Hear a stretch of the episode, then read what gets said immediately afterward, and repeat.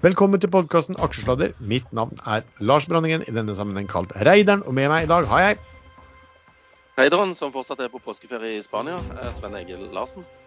Det høres ikke så verst ut. Uh, Jallakongen han er ikke med oss i dag. Men den som kommer uh, litt senere i programmet og skal ha oss en god bolk med oss, det er Robert Ness, som er investeringsdirektør i Nordea og også veldig kunnskapsrik hva gjelder eh, det som skjer innenfor AI og med ChatGPT osv. Eh, for tiden. Så det blir nok eh, veldig spennende. Vi kan vel starte da, Sven, med ta disclaimeren vår. Vi ringer råd dersom du hører på hva vi sier her om markedet, aksjer, enkeltaksjer og livet for øvrig, er ansvaret helt og holdent ditt eget. Det kan forekomme feil i det vi sier i programmet, og panelet og panelets gjester kan være langt, kort, direkte eller indirekte eksponert i aksjer, selskaper og produkter som omtales i programmet. Uh, har du tilbrakt hele påsken i Spania, eller?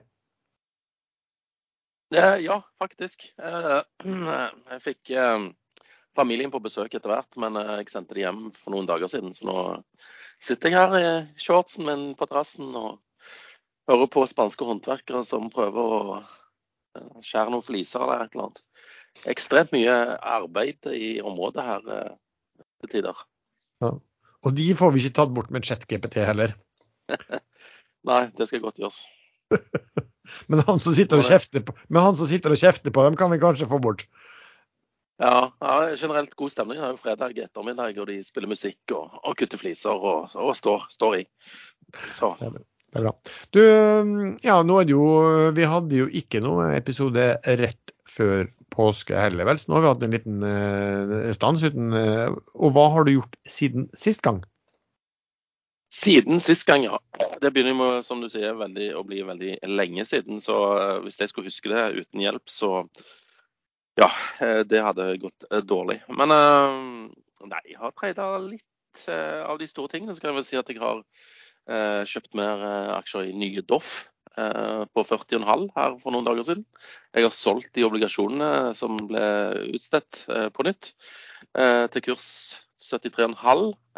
Det er payment in kind-bonds. og Derfor handles ikke de, og, og altså renten på de er veldig lav, så jeg skjønner jo godt at han ikke handler på 100. Jeg har um, gjort um, Jo, jeg har solgt en DLTX. Den hadde jeg jo som uh, ukens favoritt for uh, mange uker siden er det? Tre uker? Ja. Siden vi hadde siste episode. Eh, og, og på, på, forventning om en rekyl, kanskje i forkant av en emisjon eller et eller annet sånt. Og den gikk vel fra rundt 1,10-1,15 opp til jeg solgte mine rundt 1,50, eh, så det ble for meg en veldig god butikk. Eh, og så kom jo tidenes korsfesting av den aksjen da, i, i påsken. Eh, men den kan vi jo snakke om, om, om litt. Eh, det var jo litt morsomt, og jeg er veldig glad jeg kom meg ut og tok gevinst eh, kjapt der. Jeg har eh, tenkt samme tanke i et selskap som heter Argeo. Eh, og jeg har hamstra en del aksjer der under 1,20. Og så får jeg se om, om det kom en rekyl der òg, fordi at uh, Newsflowen der har vært egentlig veldig bra. Det har vært et relativt stort innsidekjøp, men kursen har falt, og noen har solgt seg ut, og, og noen har kjøpt seg inn. Så får vi se om, om, den slår til. Jeg har jo også en sånn liten post der jeg kjøpte for ja, i påsken i, i Argeo også. Den, det var vel noen som, som, hadde en del aksjer som da var helt i slutten av nedsalget sitt, så da, da tok jeg litt der. Men, ja, riktig. Nei, eller, ja, ellers så har jeg um, uh, Hva var det Jeg har jo, jeg, jeg var visst med i den der eh, Atlantic Hva heter det? Sapphire. For plutselig fikk jeg noen aksjer på en sånn sluttseddel fra Carnegie. Jeg hadde visst vært med i en emisjon da. Det hadde jeg hadde jo glemt ut. Jeg hadde fått lite tildeling, men de har òg kvitta uh, meg med. Jeg har, ser jeg nå på listen min, har vært en tur innom denne Horisont Energy, men der virker det jo som uh, ja, Saga Nei, er det Saga som er i aksjer der, eller Saga Pure?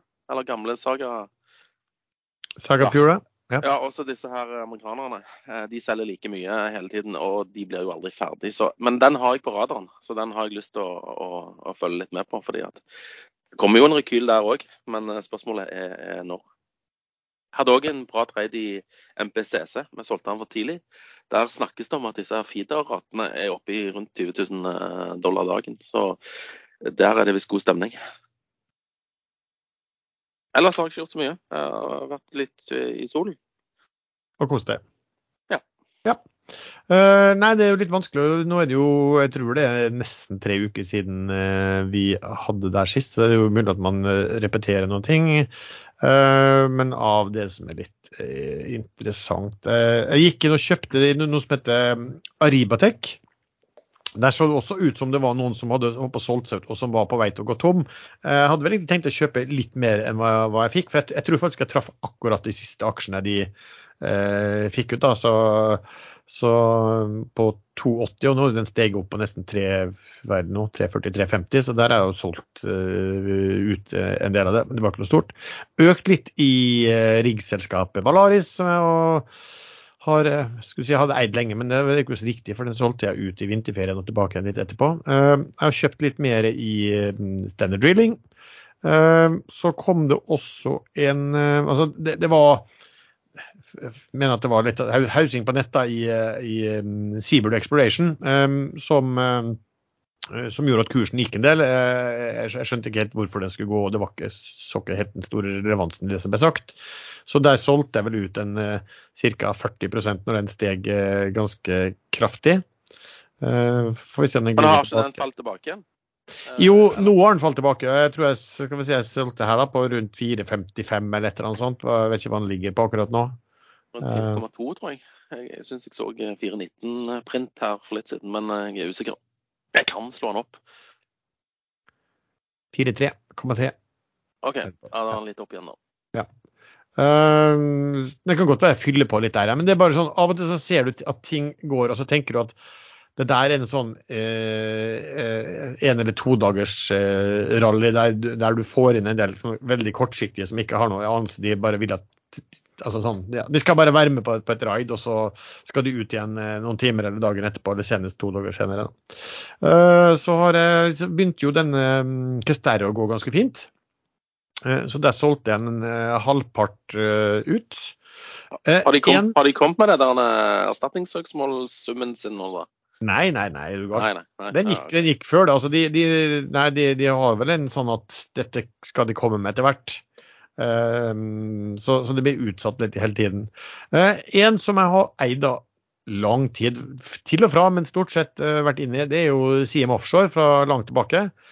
Den gikk veldig mye i, eh, i inngangen til påske, og en del andre supplies sto stille eller falt, men den steg jo ganske, ganske voldsomt. Eh, enormt stor forskjell i forhold til f.eks. For sånn som Solstad. Så når den eh, kom over 22 kroner i påsken, det var helt i inngangen rett før påske, så solgte jeg ut alle. Den har vel falt nå, jeg tror den var på 20-tallet i dag. Den gikk jo en krone videre også, men Eh, det var veldig, veldig aggressiv eh, kjøping, i hvert fall i en, i en eh, periode der. Uh, ellers så har jeg kjøpt uh, en del uh, litt mer Ifi.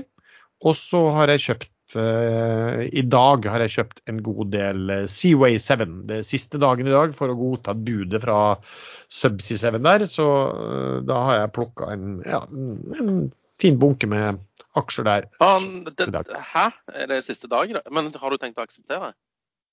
Uh, nei. Altså akseptere Nei, jeg skal ikke akseptere noe som helst der. Nei. Jeg har kjøpt 40 eh, 000 aksjer i den CY7 i går, faktisk, på 540. Ja. Uh, men jeg har heller ikke tenkt å akseptere. Jeg er litt spent på å se hva den squeeze-out-kursen blir. Ja, det er akkurat det. Du vil se på den. Altså, det du, kan vite, er egentlig at uh, den kan vel ikke bli dårligere enn dagens kurs. Altså av, avslutningskursen i dag, da. Så, og det lest, altså jeg bare satt og regna litt på det i dag også, at uh, det er ca. 50 millioner aksjer igjen uh, i, i, det selskapet da, som er gjenstand for det budet. Uh, og ca. 10 millioner av de aksjene, altså bare 20 er flagget akseptert. da. Så 40% eller 80% av de, de som gjenstår, som frie som ikke eier, eies av da, Subsea 7, de har ikke akseptert ennå. Hvorav en del fond, da. Hva, er det ikke over 90? Kommet over 90? De er over 90, så det betyr også at en ting at det, det er et frivillig tilbud, men, men, de kunne jo valgt squeeze out med en gang. Det vil si, squeeze out betyr at hvis du eier over 90% så har du rett til å ta aksjene til noen og eh, betale dem da Det blir jo gjerne børskurs, da, ikke sant? og så kan man krangle på det eh, senere. Men eh, som vi har vært inne på, Sven, at vi, vi som eier aksjen også, hvis selskapet kommer over 90 så har vi også en rett til å forlange oss utløst. Ja, men, det- og Da blir spørsmålet kursen. Men det som, er, det som jeg syns var interessant, og grunnen til at jeg tok på 540, det er jo at de nevner tallet 615 eh, Ja. i eh, tilbudsdokumentet. Ja. Eh, og jeg regner med, eller regner med, håper og tror at det er det som blir squeeze-out-kursen. Altså, man- skal huske på at den kursen der sto i 7 kroner og 20 øre, tror jeg, når, når de inngikk den Det var siste børskurs før de inngikk den avtalen som eh, sendte de over eh, 90 Ja. Eh, Og så inngikk det da en avtale som de da henviste til på 6.15 eh, dagen før. eh, før børsen åpner. Der de har altså allerede da kommet seg over, eh, over eh, 90 da. Så, så kan du si at ja, er det det som gjelder når de kommer over 90 altså, ja. Men jeg er enig med deg. Sånn 6.15 er jo naturlig å tro. og Årsaken til at dette er blitt lavere, er jo fordi at du får betaling i form av Subsea 7-aksjer, og de har sklidd på børsen. Riktig. Så ja, men det er vel egentlig, eh, når du kjøper nå, eh, en gratis opsjon på at det blir høyere eh, squeeze-out-kurs. Men det spørs jo hvor lang tid det tar da, før de eh, Men jeg tror ikke det tar så veldig lang tid etter at tilbudsperioden nå er over. Det er jo ingen vits å ha dette stående på børs, liksom. Nei, men du kan, forlange, du kan jo forlange å bli utløst eh, også du i ettermiddag, hvis du vil det. Ja, jeg kan det, men eh, jeg, er ikke særlig spekulativ av natur. Så jeg bare venter og håper og tror at, eh, at eh, gjenværende aksjonærer får rimelig betalt. Ja, Men tror du ikke du blir behandla akkurat som de som nekter å godta budet? Jo, jo, selvfølgelig. Så, Men, eh, så jeg, jeg, liker, jeg, liker ikke, jeg liker ikke å lage bråk, vet du. Nei, men du lager jo ikke noe bråk ved du, du, du, du sier jo faktisk ikke at da at du ikke vil bli innløst i et tilbud. Du bare ber om å bli eh, innløst, så får de jo komme med sitt forslag. Ja, men det, det som er vet du, sånn eh, tvangs, tvangsutløsning, som jeg kaller det, Ja. men det heter jo tvangsinnløsning, eh, det er jo at eh, du får cash istedenfor disse skitne Subsea 7-aksjene. Ja. Og det er jo en fordel. Eh, Men det gleder meg i hvert fall å, å høre at uh, vi har tenkt helt likt. Og så tenker jeg at den nedsiden der er ikke så, så stor. Oppsiden er fort ja, gode kanskje 15 eller et eller annet sånt. Hvor mye det blir nå, jeg husker ikke hva det var på, på det siste. Nå har jo steget ned i dag også, så det er jo, det er jo bra. Ah, nei, nei, det er ikke bra, for jeg skulle ha, egentlig ha litt mer på 540. Ja, det var mine, da. Så jeg, fikk mine, jeg tok på 5,36 i dag. En, eh, Ah. en eh, skal, ja, jeg husker ikke hvor mye jeg tok. tatt Nei, jeg, jeg har ikke vært på jobb hele dagen. Det er vel min unnskyldning. Ja. Jeg tok et 120 000 i dag jeg på 5,30 5,356. Faen var han så lav. Den var så lav, ja. Den uh, prøvde å få den under meg, men kom liksom ikke lenger ned heller. På, og, og, og da skal du huske på at den ble faktisk prisa over bytteforholdet når jeg, når jeg kjøpte også. Okay. Eh, Så det har den vært også. Så det er vel en del som ser, og, og det gir litt mening også, for at her har du faktisk den, eh, den opsjonen der da, så på, at, på at du skal få mer enn altså, hva, hva, børskursen i dag.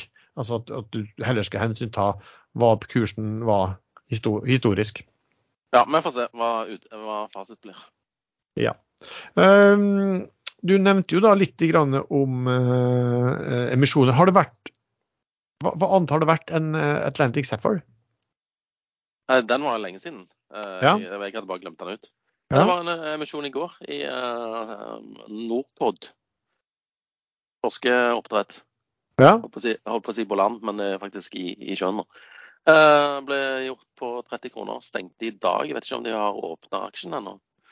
Uh, de meldte det i går kveld, og, og closa den i dag klokken 12. Sist jeg hørte. Skal vi se, Norcod fortsatt suspendert. ja Sist omsatt 39, tror jeg. skulle, ikke den være, men skulle ikke den være åpen tidlig i ettermiddag, da? Uh, jo, jeg trodde det. Ja. altså, trading suspension Ja, det har ikke så veldig mye å si. Det, de åpna den eh, etter det kom en melding fra selskapet om at de har henta penger på 30 kroner. Grunnen til at jeg vet at det blir 30 kroner, er fordi jeg fikk en mail fra ABG litt tidligere i dag. Ja, det var derfor jeg det ble, det var derfor jeg ble litt stille, for jeg tenkte OK, vi, har det kommet ut eh, som, som blir det? nei. Eh, du må være i loopen. Ja. Eh, men bort, bortsett fra det, så har det vært, eh, vært stille en Det har vært periode. jævla mye fridager, føler jeg. Ja. Eh, Så det er jo bare den amerikanske børsen som egentlig har vært åpen. Ja, men nå bærer det jo løs. da. Nå er vi på jobb igjen, og så kommer det jo Nå begynner jo resultatene for rapporteringssesong, eller spin season, som jeg kaller det for, Ja. kommer nå. Så da blir det jo litt mer ja, fart igjen i ganske mye. Har, har, du, har du noen forventninger til resultatsesongen? Eh, noe du er spent, spent på å tenke på? Nei, det er vel eh, marginer, da, i og med at uh, inflasjonen i hvert fall i, i Norge og Europa har vært høy. Uh, så vi må se om marginene har falt, eller om, om bedriftene har klart å lempe det over på forbruker uh, og kunde. Det vet jeg ikke. Så jeg er litt spent på å se på marginutvikling og guiding. Så så jeg I USA sto det vel at de, hadde, altså de forventa ganske svake tall.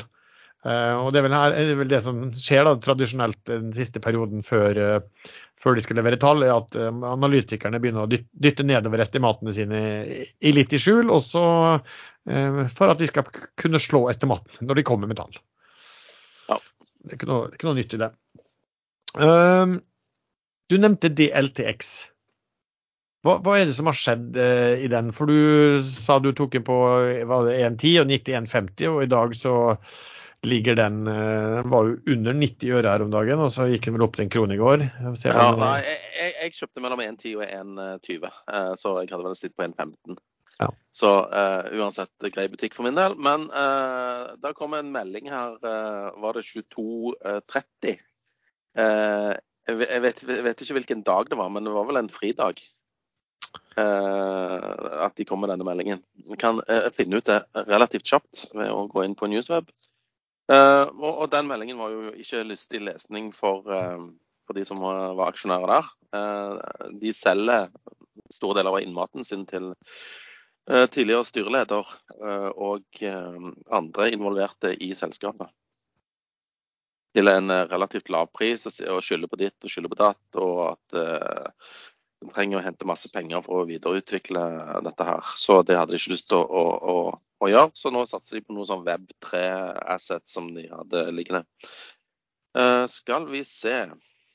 Det var jeg tror 8.4., så det må jo være skjærtorsdag, tenker jeg. Ja, 8.4.2230. Ja. Exit from Filecoin and blockchain segment through sale of assets. Ja. Og eh, de selger til tidligere styreleder, som da eh, går av og tar med seg innmaten. Ja, og Nei, han, så, men, men han styrelederen var, var sånn også at han eh, slapp å betale noe for det nå, at, og at de, det ikke skulle betales før i han 2028? får var det fem års, fem års uh, seller, sellers credit, altså salgskreditt. Han har fem år på seg til å betale de tre millioner dollarene som han betaler for disse assetene. Han tar jo i tillegg over eh, 25 millioner dollar i gjeld da, Ja. og, forpliktelser. Men her kommer jo litt morsomt, da. For det, det, det står liksom at eh, det sto om kjøperne i den meldingen at eh, The buyer is a company controlled by James Haft, som da er chairman, David Johnston, som er chief strategy officer, and Jacob Farber, who has previously been engaged by DLTX, altså vært en rådgiver. da. Så det er jo, det er jo liksom innsidere som kjøper dette her. Men by a company, altså ehm, Vi vet jo ikke hvilket selskap det er, om det er verdt noe som helst. Eh, eh, skulle jeg tippe, så er det vel et selskap som omtrent ikke har noe som helst. Og, og, og da at du da har en, eh, fått en kreditt, altså du slipper å betale du, du betaler selger noe som helst, så, så kan det jo tenkes at du har egentlig skaffa deg en gratis opsjon. fordi at hvis dette ikke lykkes, så har du likevel ikke dytta masse penger inn i dette selskapet. Eh, Det står ikke noe om det selskapet, i hvert fall. Og da er jo mitt tips at det er et selskap som er ganske lite solid. Det er riktig. Og så kan det jo være på eh, mystisk vis, hvis det, disse eiendelene ikke viser seg å være eh, lukrative, at, at det selskapet går konkurs og ikke klarer å betale eh, de tre millioner dollarene. da. Jeg tror ikke du kan anta at de tre millionene kommer tilbake hvis ikke det selskapet, ikke de assetene blir verdt noe særlig, nei. Så ja, nei, de, de ga det vekk. Eh, ja.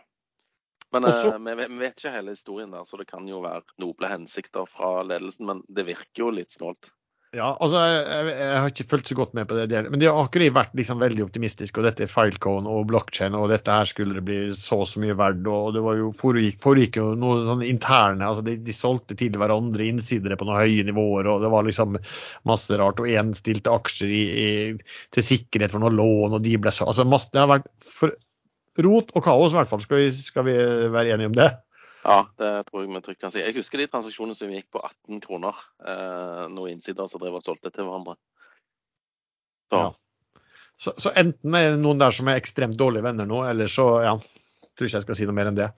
Eh, men, da, men, da, kom det jo også da eh, i, eh, i går, vel, var det? De kom Ja, eh, at de hadde gjort eh, en Nei, skal se om det var i går. Jo, det var, det var på, på, mandag at de da vurderte å gjøre en contemplated private placement, der de skulle hente penger fra en del investorer på på én eh, krone per aksje.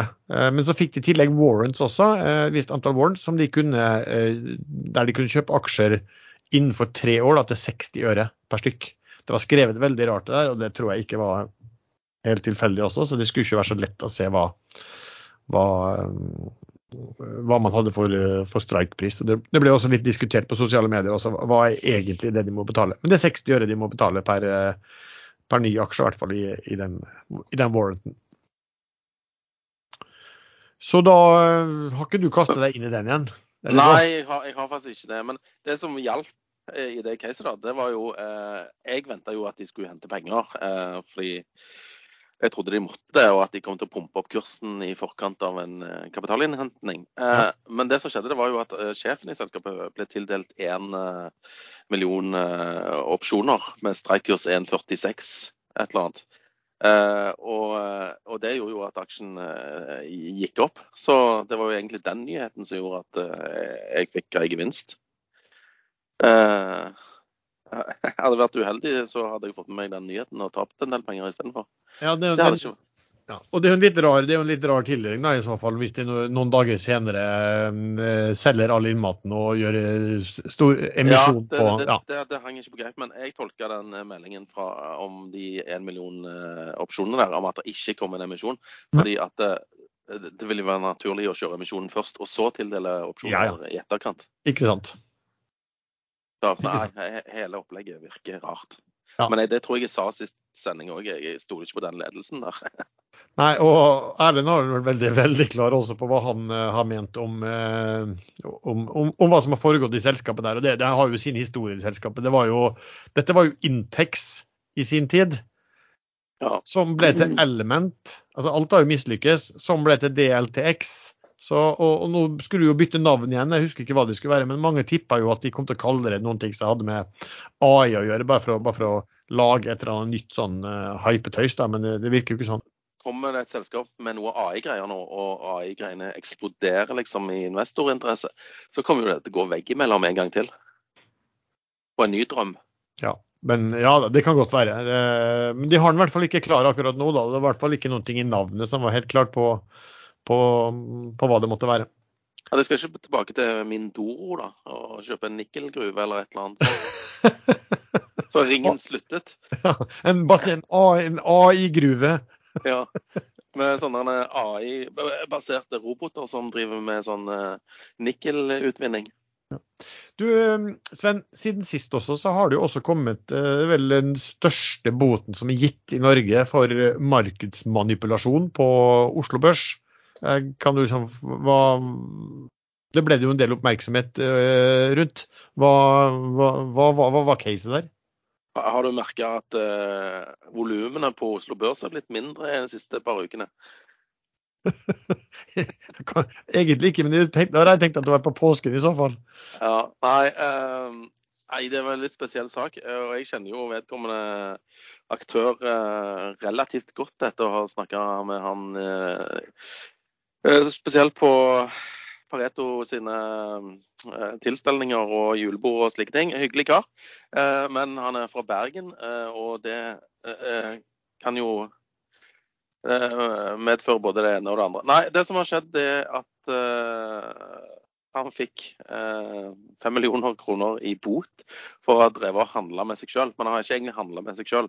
Han har brukt eh, et selskap eh, med én megler, og så privatperson hos en annen megler, og drevet og handla sånn mellom disse for å skape et inntrykk av at volumene og kjøps- og salgsvolumene er mye større enn det de egentlig er. Altså på en måte proppe opp eh, kunstig volum for å få andre investorer til å, å fatte interesse for, for, aksjen, og at det eh, kanskje er noe på gang siden det går så store volumer.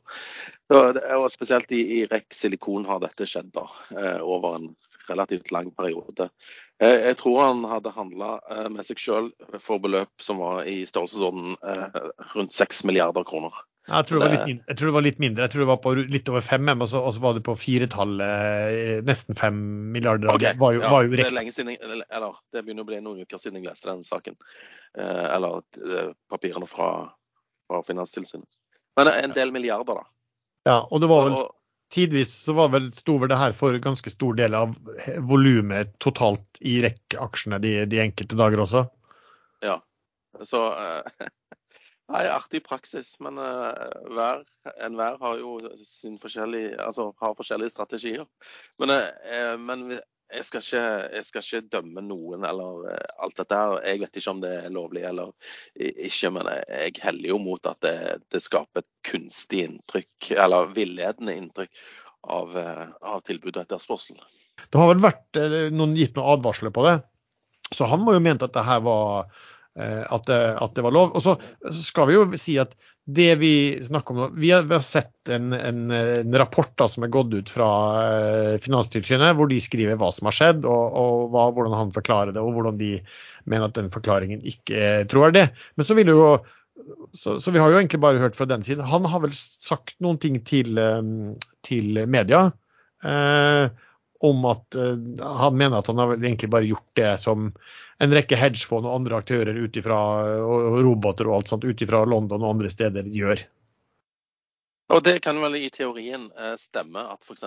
Goldman Sachs har ett fond som kjøper, og et annet, en annen, annen divisjon som selger, og, og, på den måten liksom uh, har, ha rett i det.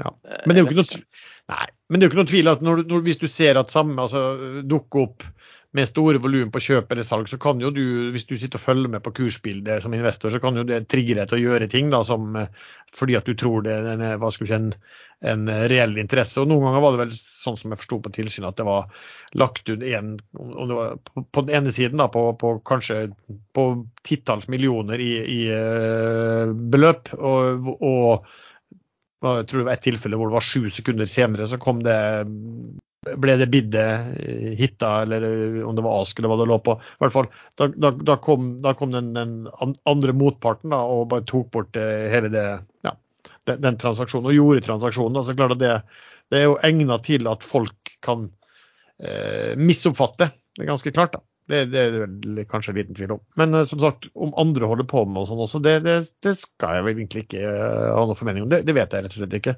Uh, men det er en bot. Den er, av, den er vel ikke avklart. Man har vel en periode på seg til å vurdere om den skal godtas. Men norgeshistoriens så langt største var det vel, i hvert fall. Det blir spennende å se om, om boten blir akseptert.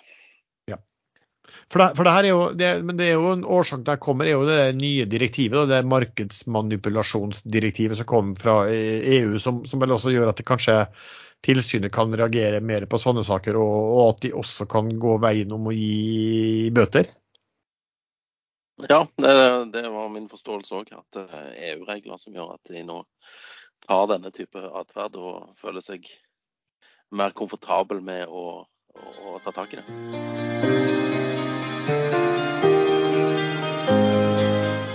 Vi har jo snakket en hel del her i Aksladder om eh, AI og chat-GPT. Eh, og vi har egentlig ventet på å kunne ha en gjest med spesielt god kunnskap om eh, emnet. Så så vi til vår glede nå i uken som gikk at Robert Ness, som er investeringsdirektør i Nordea, hadde en, en artikkel i Dagens Næringsliv der han fortalte litt om hva han tenkte om den nye teknologien. Um, og Robert har jo vært gjest hos oss tidligere, og derfor tenkte vi at uh, dette var strålende. Da inviterer vi Robert uh, tilbake til oss for å snakke om uh, IE og alt hva som skjer der. Og Så da, velkommen til oss, Robert. Ja, takk for det. Hyggelig å bli invitert, og det er et veldig spennende tema, så jeg ser fram til dette. Du Robert, det er første jeg vet at en ting er jobben du har nå, men du sånn historisk har jo vært interessert i eh, AI og maskinlæring tidligere? Ja, jeg har det. Jeg studerte faktisk data på 80-tallet. Også på siviløkonomstudiet skrev jeg hovedoppgave om kunstig intelligens, eller ekspertsystemer som vi kalte det på den tiden. Og så har jeg de siste årene um, tatt opp igjen programmering og Python-programmering og hatt mye, mye moro med det. Så jeg syns dette er veldig, veldig spennende å følge med på. Robert, men Robert, sånn med bred pensel, hva er det nå som, som, som, skjer i, dette, i denne bransjen eller sektoren? Nei, altså Det er kommet inn ny teknologi som gjør at du kan faktisk snakke med datamaskinen. Selve teknologien har de jobbet med siden 60-tallet, så det er ikke noe nytt. Men før har du ikke hatt kraftige nok datamaskiner, du har ikke hatt nok data til å behandle det, men nå er det kommet. Så disse store språkmodellene kan du greie å utnytte. Og det gjør at du kan snakke med datamaskinen, og da virker den mye mer intelligent enn, at, enn om du skulle kommunisere via koder, sånn som du måtte gjøre inntil nå på litt sånn spennende avanserte ting. Så, men, men, hva er det liksom som, som, gjør at det er nå det kommer? En ting er, er at uh, lanseringen av da ChatGPT3 i uh, november, og de har fått hva, 100 millioner brukere på, på en halvannen måned eller noe sånt. Men, men du, du, nevnte også at det er liksom maskinkraften det som faktisk gjør at du får gjennombruddet nå? Ja, jeg tror det. Det har nok vært klart en stund. Men sånn som Google, de, for de koster det rundt 300 ganger så mye å gjøre et søk på kunstig intelligens som de tradisjonelle søkene. Og så bare matematikken i det, det koster 300 ganger mer. Du får ikke så mye mer annonseinntekter, så de holdt litt igjen. Men så kom OpenAI med et så fantastisk produkt som det fascinerte jo folk. sånn at De fikk en million brukere innen en uke. Og det gjorde sånn at alle andre måtte bare skynde seg. Og Derfor har du sett eh, så utrolig mange sånne lignende som også har kommet i det siste. Sant? Det kommer jo nye omtrent hver dag. Ja, at, men, men altså, man snakker jo om um, det som heter generativ AI. Ja. Altså, det vel, jeg har vel prøvd å definere det som, som AI som produserer noe nytt. Uh, også, men, men, det ligger liksom litt i hverandre, også sånn maskinbasert læring som man har snakket om i, i, i mange år. Hva, hva, er liksom Er det dette med at du kan kommunisere bedre med, uh, med maskinen, så, som liksom er det, det nye? Ja, jeg tror absolutt det. For maskinlæring har det hatt i noen år nå, og det, og det, er veldig kraftig. Men det krever mye kunnskap å lage program som bruker, bruker maskinlæring. Så nå er det noe helt nytt. Nå kan du bare snakke. Du kan ikke snakke, eller du kan skrive til roboten. Du kan ikke skrive ordrett riktig, du kan ikke skrive på engelsk. Sant? Du skriver sånn noenlunde riktig, og han skjønner hva du gjør. Så Det er jo den store revolusjonen som gjør at dette blir tilgjengelig for, eh, for oss alle. Ja. Eh, kan ikke du si litt om Jeg vet du har eh, det er alltid artig å høre på de som har, har brukt uh, chat-GPT selv. Kan ikke du bare fortelle hvordan, eller noe lignende, kan ikke du bare fortelle hvordan du har brukt det på en måte som gir nytte? Ja, altså jeg brukte til Jeg har sånn bigeskjeft hvor vi importerer biler fra Tyskland. og Da må vi betale bil inklusiv tysk moms, og så får vi momsen tilbake. Sant? Og I fjor så kjøpte vi biler for 150 mill., så det var 20 millioner vi la ut i moms. De fleste betaler tilbake, men det er noen som eh, ikke er veldig nøye på papirene, og kanskje noen spekulerer i at de gjør det så vanskelig for momsen bak at vi dropper det. Og Tidligere så har jeg sendt mail på Google til å sende disse sure mailer. Sant? og de fleste, Mange har betalt, men ikke alle. Så nå er brukt ChatGPT til å spørre kan ikke du skrive mail, og skrive det på tysk, og skrive det som om du har skrevet en advokat. Og det, det er et helt fantastisk resultat. Da har de, da de svart på mailene, og da har de betalt tilbake. Så bare den siste uken har fått inn et par hundre tusen som jeg egentlig trodde jeg hadde tapt, fordi at eh, nå får jeg sendt skikkelig skikkelig, beskjed til. Mm. For det, for det, er bare en liten ting. Jeg har også brukt det til, eh, til eh, hva skal du si, eh, skrive mailer. En, hvor jeg skrev en del om i forbindelse med at vi tok en chat-GPT inn som en del av ekstrainvestor, at man kunne bruke det. Så sendte jeg en melding til, til brukere og alt mulig om hva dette her var, hvordan man kunne bruke det, etc. etc. Og, og, og det fikk jeg jo chat-GPT selv til å skrive. Um, ja. som, som, som, bare var et sånt eksempel på hvor, hvor, hvor mye tid du, du, du, du, sparer deg på, på, ting. Jeg var også i et uh, selskap i påsken hvor folk hadde skrevet deler av tale eller dikt eller hva som helst, og da hadde vi fått ChatGPT til å gjøre det. Ja, sant? Det er enorme muligheter. Det lagde jeg nå i påsken. Så lagde jeg sånn Python-program hvor jeg bare spilte inn noe fra mikrofonen på PC-en. Og så kan du da faktisk lage en link til ChatGPT inni programmet. Sånn at eh, jeg fikk det rett inn i programmet, og så fikk jeg til svar, og så fikk jeg et output. Så da kan du liksom bare en ganske enkelt lage noe som gjør at du kan snakke, snakke med han. Så, og det er masse muligheter. Sant? At folk kan lage enkle applikasjoner hvor de da bare linker til ChatKPT inne i, inne i appen. Så det mm. gjør at dette er veldig, veldig tilgjengelig for de aller, aller fleste. Ja. Jeg vet at den, jeg hørte på en, en eh, podkast, den heter vel In Good Company, som han, sjefen for oljefondet, Nicolai Tangen, har. Og da hadde han toppsjefen for Nvidia eh, der inne, som du nevnte også, som, som liksom har lagd de, de, maskinene som gjør at de er i stand til faktisk å, å, å prestere det de gjør nå. Um, og Han snakket også om det å demokratisere uh, teknologien, uh, så måte. Uh, og, og, han snakket jo mye om koding. da, Um, for det er jo et, et poeng også at, at uh, dette her, maskinene kan jo koding, så du kan uten å ha kodeegenskaper, så kan du i hvert fall få den til å gjøre ganske enkel koding for deg. Ja, det, kan du absolutt. Jeg prøvde å få det til å hjelpe meg litt når jeg programmerte i påsken. Så det var jo god hjelp. Men det, var, det, det er ikke sånn 100% at han tar poenget med en gang. Sant? Noen ganger fikk jeg noe som var rart, og så noen ganger fikk jeg noe som, som hjalp, eh, hjalp virkelig. Men jeg har jo sett andre som sier at de har brukt det til å lage programmer for seg å gjøre absolutt alt. Ja, Feilretting vet jeg også at eh, folk som jobber i, i, IT-bransjen, som programmerer, at de, de, programmerer og så bruker de dette her til å sjekke etter feil, f.eks. Ja. Så det, det, er mange muligheter. det er det. Eh, så jeg tror jo at hvis vi hopper over på, på selskap, så tror jeg at eh, IT-selskap, konsulentselskap, det må jo være store muligheter for de for å bli mer produktive. Ja. Jeg skulle ta litt mer om det tidligere, men, senere, om liksom, de enkelte, eh, enkelte sektoren. Men altså, det som skjer nå, som kanskje man ikke ser så mye altså, alle, Mange hører om chat-GPT og hører at oi, dette kan få eh, veldig store konsekvenser for veldig mange ulike bransjer. For mange er det kanskje litt sånn svevende hva alt eh, dette her er. Men, men, det som skjer nå, er jo også at det, det, bygges masse nye applikasjoner som utnytter ChatGPT, og som, som, drar dette her videre eh, hver dag nå? Ja, det gjør det. Jeg hørte en, en podkast faktisk i morges. og da han vise til en nettside hvor de mente nå det var 1300 nye applikasjoner som bruker ChatGPT. Det er sikkert vanskelig å definere sånn tall, men det blir i hvert fall fryktelig, fryktelig mange. For det er så lett tilgjengelig. Altså hvem som helst, Du trenger ikke spørre om lov, du bare inn på hjemmesiden til OpenAI, og så registrerer du en bruker, og så får du en lang kode som du kan legge inn i programmet ditt, og så plutselig bruker du det. Du må betale litt, men det er relativt små beløp du må betale. Ja. Det er jo det samme som, som, som vi har gjort på Ekstrainvestor. Men, men jeg vet også at jeg så at det var Jeg lurer på noe av dette som er skrevet en del om de siste dagene, som heter AutoGPT. I alle fall, hvor de, hvor de fikk en sånn AI-assistent til, eh, til, å søke rundt uh, på nettet etter uh, hodetelefoner. Finne de beste, finne ut hvilken sånn product reviews som de hadde gjort, hvordan, hvilken, hvilken prising var det var, og så fikk de liksom de knytta det også opp mot ChatGPT, sånn at ChatGPT lagde en sånn oppstilling da, så, eh, til, til liksom hva som var det beste. Så, og det her skjedde jo automatisk. ikke sant? Du, du slapp å sitte og søke sjøl og finne sidene og, og, og, velge i søk om hvem som var bra og dårlig og sånn. Dette gjorde, gjorde den bare av seg selv.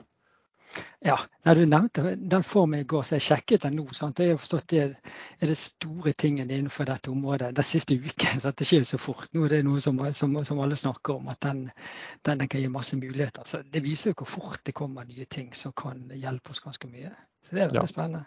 Ja. Altså, så Um, nå er det jo en del som er litt sånn redd for utviklingen også, og myndighetene vil sette begrensninger på det. Men hvis det er sånn at dette her er mye av disse GPT-løsningene open source, og enhver kan laste ned en sånn AI-assistent sjøl og jobbe videre med den, så er det jo, dette må jo her bli vanskelig å styre? Ja, jeg tror det blir veldig vanskelig å styre, men det så faktisk noe som begynner regulering i USA, som egentlig er veldig fornuftig. Altså, det, vil, det vil kreve at de som bruker kunstig intelligens, at de forteller hvilken underliggende robot de bruker, og hvilke endringer de eventuelt gjør. Det, det, det er litt mer som beskrivende, for det tror jeg er ganske viktig. fordi at eh, når du snakker og vi snakker om sånn integrere ChatGPT, så kunne du tenke deg at noe med vond vilje hadde integrert ChatGPT, men så hadde de bare gitt en instruks til ChatGPT i forkant om at dette er en slags lek. Du må huske at alle svarene her går i retning f.eks. høyrevennmessig retning, eller liksom en av retning. Så, mm. så da kan du lage en ChatGPT som bevisst, en robot som bevisst gir feile ting. Så det er mye, mye muligheter for den negative siden også. Så Derfor er det, er det greit med regulering hvor du i hvert fall vet hva du bruker når du bruker noe. Du, sånn samfunnsmessig, du mm, gjorde jo da, Det har vært en del som har kommet med noen antakelser liksom, i USA og EU på arbeidsplasser. Og du har jo også gjort, mm. gjorde også en sånn liten antakelse på, på hva skal si, effektivitetsinnsparing, hvis man skal kalle det ordet, i arbeidsplasser i Norge. Hva, hva du fant fram til da? Ja, jeg så OpenAI de, de regnet med at uh, fire-fem arbeidere kunne bli påvirket, og at de kunne spare i hvert fall 10 av tiden. Og så kom Goldman Sachs ut med enda, enda, større tall. Og jeg gjorde litt det samme. Jeg så på liksom der det er kunnskapsyrker, sånne som oss sitter foran PC-en, som bør ha mulighet til å øke produktiviteten vi kan kanskje øke med 15-20% Og så er det andre, hvis du jobber i jordbruk eller står i en butikk, så er det vanskeligere. Sant? Da er det kanskje bare 5 Og Når det bare ligger ulike tall og gjetter litt på det, så kommer jeg fram til nærmere 12% produktivitetsgevinst. Altså én av åtte stillinger i teorien da kan, kan man greie seg uten. Si at det gjelder, da. Hva, altså, jeg tenker jo at eh, ethvert nytt du, du, kalte jo dette her for en form for ny industriell eh, revolusjon. Uh, og det er klart at hvis, de, de, hvis, dine tall og det du ser fra Goldman Sachs, altså de slår til med uh, besparing og effektivisering fra, på, på uh, arbeidstakere Og denne gangen er det jo ikke de på, gutt, de på gulvet som blir effektivisert, nå er det jo hvitsnipparbeiderne, ikke sant? Mm, um, absolutt. Som blir, som blir effektivisert. Men, men hva, hva, vil da altså hva tror du da vil skje? Nye ting vil jo skape nye arbeidsplasser, men, men det kan jo også være en sånn timelag her. hva tenker du? altså at, at man ser at man blir mye effektiv, mer effektiv. Vi trenger ikke så mange ansatte. Eh, og så går det kanskje ikke raskt nok å komme opp på en måte nye yrker og nye områder eh, for disse. Ja, hva, har du noen tanker på det? Ja, altså klart Det er vanskelig å vite. og Det er en risiko for at uh, produktiviteten går fortere enn økning i inntjeningen. Og det medfører at du, du, greier det med færre folk og det blir mer arbeidsledighet. Jeg tror det er mest sannsynlig at uh, det tar nok litt tid å få ut den produktivitetsgevinsten. Og så tror jeg også dette gir så utrolig mange nye spennende produkter du kan lage. Sånn, både på software og sånn, til og med for banker og for alle andre kan du lage litt mer fancy ting. Så jeg tror de fleste vil greie å øke inntektene, og, og, sånn at du mer får økte inntekter, ikke så mye økning i kostnader. Sånn at uh, du ikke får en høy arbeidsledighet, og at det blir en produkt produktivitetsgevinst som gjør at bedriftene kan tjene mer penger, i hvert fall de første årene før eh, konkurransen visker ut den fordelen. Ja, men og Det er litt interessant hvis du tenker utfølge ditt resonnement at du kan opprettholde inntektene, kutte kostnadene, og så får du ny konkurranse. Eh, for Et tema som eh, alle i investormiljøene har snakket masse om de siste årene, og de siste månedene og dagene også, er jo mm, inflasjon. Hva, hva kan dette bidra til på inflasjon, da. For du, du, må jo da få Altså du kan jo ikke da få et sterkt prispress eller prisfall på en del ting? Jo, altså du kan jo det. Vi hadde jo lav inflasjon, nærmest inflasjon i en rekke år. Sant? Og Det skyldte jo på Kina, at vi, får, vi, flytter stadig vekk mer produksjon til Kina, og da tjener det mindre.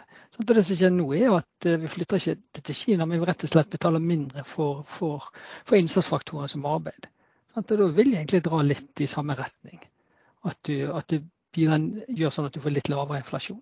Så det er, i hvert fall, går i hvert fall ikke motsatt vei. Hvor mye det, det, blir er jo vanskelig å si, men det går i hvert fall i den retningen. Ja. Um, som, som, jeg hørte jo på denne intervjuet med han i, uh, i Nvidia. og Han var jo ganske sånn bastant på at han sa at liksom, uh, fra nå av i framtiden og fra nå så kan alle programmere uten å kunne koding. Eh, det var jo det han kalte for å demokratisere teknologi og gi økt produktivitet. Da.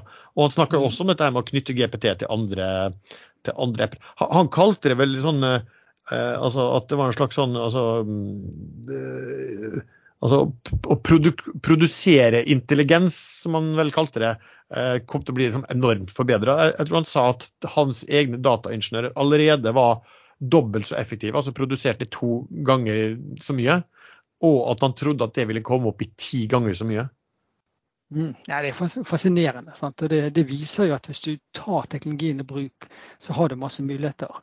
Men, eh, men, jeg tror egentlig det er litt for optimistisk å tro at folk uten, uten, den, uten kunnskapen kan bruke det. Jeg tror egentlig det er de som kan det, som kan bli veldig mye flinkere. Sant? Med en som ikke har kodet før. Jeg tror eh, ja, du får en kode, men du, du kan liksom ikke kvalitetssjekke den. Du må jeg huske at um, det finnes jo noen som har litt ondsinnede hensikter. Sant? Enten for å tjene penger på det eller ikke. Sant? Sånn som vi så i krypto, hvor desentralisert finans har slitt ordentlig. Sant? For det har vært mye hacker der. Ja. Så, så, hvis mange gjør seg avhengig av å ta en kode for disse robotene, så kan du tenke at det er mange som går motsatt vei. At de pusher mye feil inn i, på nettet som de lurer robotene til å akseptere. Og så har de laget noen hull der så de kan utnytte siden. Så, så, så ville vært litt, jeg ville ikke ansatt en som bare en som kunne var for maskin til å lage koden for seg. Så det ville heller være ansatt en som kunne programmere, men som benyttet dette til å bli 50 eller 60% mer effektiv. Ja. Og, men du, det, det, kan jo også kanskje være at du de du bruker til å gjøre dette, de trenger ikke å være så fantastisk eh, dyktige som tidligere, kanskje? Nei, Det kan, kan være. Um, men altså, jeg har litt sans for det, folk som er dyktige. Så jeg ville heller tenkt at uh, de som er dyktige, kan benytte dette enda bedre, sånn at de blir veldig veldig mye dyktigere. Men klart det er jo nivåer, sånn som jeg nevnte det med å sende brev som jurist. Sant? Da kan jo folk som ikke er jurister, egentlig oppføre seg som en uh, gjennomsnittlig jurist, kanskje. Sant? Så det er jo det kan godt være du ser det samme programmering, og at man kan gjøre mye mer oppgavene selv istedenfor å sette det vekk. Ja, jeg tror også, Vi um, hørte også snakk om en dag også i forhold til å, å, å snakke med uh, leger, altså fastleger og alt det der, også, hvordan, det fungerer. At, at, her var det mye du kunne gjøre på en slags sånn førsteledd selv da, uh, mot den type um, applikasjoner sånn som ChatGPT, som kom til å ha hva skal du si, enormt mye, mye kunnskap. Ja, det tror jeg. Og medisin er fantastisk spennende. Sant? Du har det på billeddiagnostikk, men du har også sånn enkelt sånn som sykehusjournaler. at Legene sliter litt med å skrive der. De vil helst skrive på fagspråk, men så forstår jo ikke brukeren det. Så jeg hadde noen sånne sykehusjournaler sjøl på meg sjøl, og så kjørte jeg inn i ChatGPT. Det var fantastisk. De greide å forklare egentlig de begrepene der som, som for de fleste oss er helt umulig å forstå. Så det, der ser du egentlig veldig mange anvendelsesmuligheter. Sånn, hvor legene fortsatt kan skrive på sitt kryptiske språk, så trykker du på en knapp, og så står journalen på velskrevet og godt forklart. Mm. Sånn at du, du, du, selv kan forstå hva, hva, hva som står der. Ja, det, og det, kan jo, det, kan, det, kan man jo, bruke innen finans også. så Lyttere som hører på dette, her eh, kan jo også gå inn og sånn, Av og til bruker man jo fagbegrep, og, og avhengig av hvor lenge man har vært i markedet og hvor mye man kan, så, så er det kanskje vanskelig å forstå. Og nå kan du liksom få dette her forklart på en, sånn, på en, på en enkel måte. Ja, absolutt. Jeg brukte litt sånn eh, satt og skrineporteføljen vår med Jumaki på kinesiske selskap. Så, så, bare inn navnet inne på ChatGPT og fikk litt sånn enkel forklaring hva de, hva de holder på med. Så bare som en sånn eh, start, helt, eh, bare sånn introduksjon til starten. Ja. Men et faremoment her. altså Man snakker jo om en ting er hva som finnes nå, men så snakker man jo om eh, noe som heter AGI. Altså, fra, Man går fra artifisiell intelligens til artifisiell generell intelligens. og Det er vel egentlig at eh, da eh, denne mm, AI-assistenten, eller hva vi kaller den for, eh, kan gjøre ting, bestemme ting selv, uten at, uten at du skal eh, ha noe input på det. Um, og, og man er jo veldig, altså, en del er jo veldig redd for det. Eh, Elon Musk i, eh, i Tesla han har vel Eh, vært med på et opprop og sagt at liksom man, man, bør ikke gå lenger enn den ChatGPT 4-versjonen, uh, eh, uten at man har, liksom har en, nesten en sånn kommisjon til å gå gjennom hva, hva man kan gjøre her. Hva, hva, hva tenker du om liksom om, om en, ja, det er jo et interessant tema. Sant? For det er jo OpenAI Renommé lanserer nummer fem i desember. Sant? Og den skal kanskje nå det nivået, sier ryktene. Men eh, jeg tror jo egentlig at Eh, det er ikke så mye å være skremt for. Men jeg tror heller ikke at du skal ha som mål at den skal kunne gjøre alt. Sant? Ta f.eks. jordbruket, traktoren. Det er vel over 100 år siden den kom. Sant? Men fortsatt trenger noe å sitte på den.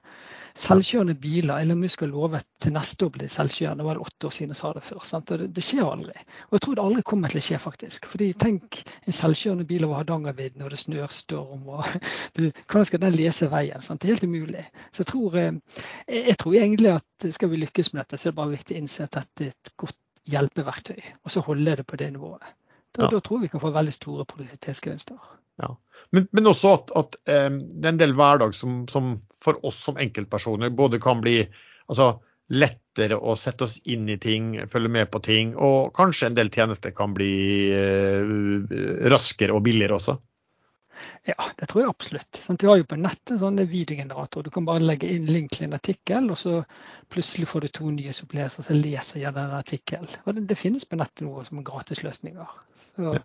så ja, det finnes veldig mye fancy man kan gjøre. Ja, og det, det er jo, En ting er jo tekst, da, men du har jo eh, bilder også. Det er vel sånn at den ChatGPT, det som er eh, forskjellen på den, den versjon 4 og 3, er vel at eh, den fireren kan vel nå koble sammen eh, tekst og bilder på en måte sånn at den gjør at den forstår begge to og kan sette de liksom i kontekst. da. Det ble liksom forklart som at hvis du, hvis du ga um, før hvis, altså, hvis du viste bilde av en hest, eh, og og det var bildet, og du forklarte på tekst at eh, det er noe som heter sebra, og det ser ut som en hest, men uh, har striper sånn og sånn, så, så, ville den da forstå dette her og kunne lage et bilde av en sebra, eh, selv om den aldri hadde sett det.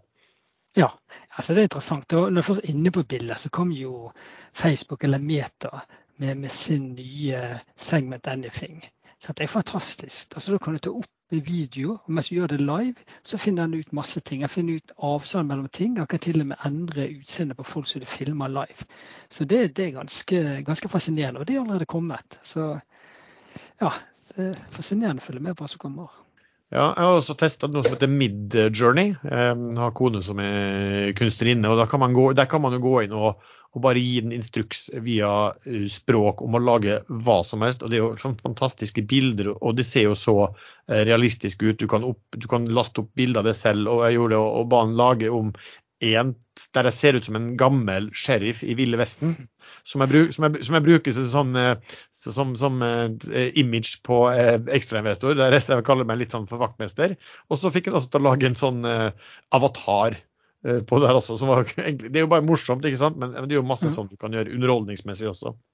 Men, men hvis, begynner, hvis, vi begynner å tenke litt på, på sektorer og aksjer her, da. Hva, hva hvem, hvem, hvem, hvem, vil liksom dra direkte nytte, og hvem vil dra indirekte nytte, både på godt og vondt? Hva, hva, hva tenker du? Ja, så klart Aksjemarkedet har jo allerede gitt litt av fasiten. Sånn. Den som vært den store vinneren nå, i Nvidia opp 80 blitt det sjette største selskapet i markedsverdi, for de leverer disse kraftige maskinene som skal til for å trene opp og kjøre disse datamaskinene. Adobe har også gjort det ganske greit, fordi de har laget sånne billedting som du, du skisserer. Men den løsningen deres Firefly, den, der eier de alle komponentene underveis, sånn at du ikke har noen sånn copyright issues med det. Og der har de, nye produkter der har de lange ventelister på. Så, så, det er en del som allerede tjener på det. Microsoft har tjent mye på det i markedsverdi. Sant? De har jo den Bing som ingen ønsket å bruke. Alle av, avinstallerte den. Nå er det venteliste for å prøve Bing med den nye leseren. Så det, det, er det direkte. Men jeg tror det indirekte er det viktigste. Og det tror jeg egentlig alle. Altså alle selskap. Og da er spørsmålet hvem tjener mest og hvem tjener minst. Så en enkel nøkkel som jeg leker litt med, er å se på lønnskostnader. De som har mest lønnskostnader i forhold til earnings, i forhold til pre-tax profit. Fordi har du, lønnskostnader som er fem ganger så høye som eh, resultatet ditt, så betyr det at 10, øk, 10 redusert lønnskostnader skal gi 50 høyere inntjening. Mm. Så det er jo ett nøkkeltall jeg har sett på. Sant? Da har du konsulentselskap eh, sant? som da har ganske høye lønnskostnader. Så hvis de greier å øke sånn som Bouvet, øker produktiviteten med 10 og beholder den gevinsten selv, så, har du 56 økning i, i inntjening. Ja. Men det, når jeg, når jeg, tenker på det, så tenker jeg at det høres rimelig ut. Men det er noe med kort og lang sikt også. Altså hvis Eh, la meg si, Hvis det kom et sånt verktøy Du, du ville jo forlangt som kunde, i hvert fall hvis du skulle betalt det samme, at du fikk en helt vanvittig mye bedre eh, mm, tjeneste. Men så, så vil det jo alltid være sånn Kan man gjøre det selv, eller kan Hvis det er sånn at det her åpner seg, at du, du, du kan få gjort det noe enda enklere og billigere, um, så vil du kanskje få et press på, på inntektene der også? Ja, jeg, jeg, tror det. Så det er jo det, er jo det interessante. Sant? Så det betyr at de som er tidlig ute, de kan få et fortrinn her. Men så er det snakk om tid hvor lenge, hvor lenge den ekstraprofitten varer. Og for konsulenter kan jo tenke deg at det, det går bare kort tid. og så så er verktøyene så gode at uh, det er ikke bare det du skal ha lavere pris enn konsulenten, men du trenger ikke konsulenten. Så det, det er ikke sånn åpenbart. Uh, altså En sånn kjedelig bransje som kan tjene på det, er sånn banker, sparebanker. Sant? Fordi de kan kutte lønnskostnadene. Sant? Og, og det er ikke så lett for oss kunder å si at vi skal ha 0,1% lavere lån fordi dere har brukt generativ AI til å få ned kostnadene. Sant? Det, de kan jo kanskje beholde gevinsten litt, litt lenger. Ja. Ja, det var faktisk en for det ble spurt om det selv også. Da slo det meg liksom finans pga. at de, de, har veldig mye administrative oppgaver. Eh, og, så, kan man tenke seg, altså det, det brukes jo allerede i dag er i, i låneinnvilgning, eh, men du kan også tenke seg at du bruker mer eh, type tjenester i, i forbedret hva skal du si, styring av problemengasjement. da, eh, Tapsutsatt engasjement f.eks. Eh, at du kan få bedre data på det, du kan gjøre litt andre ting eh, på det kanskje enn en tidligere. Men for, først og fremst er det jo på, eh, på kostnadssiden. Men, men eh, bank, altså bankene sitter jo da også med utrolig mye data. Mm. Så er det ikke et litt sånn spørsmål også at de som sitter med veldig mye data, når det kommer alt dette her opp som kan begynne å lese data og sette sammenhenger og relasjoner og alt mulig på en annen måte før at de, de dataene kan bli ja, betydelig mer verdt? Det kan de, men klart en bank er begrenset hva det er lov. Det er ikke automatisk lov å bruke alle dataene de har til, til alle mulige formål.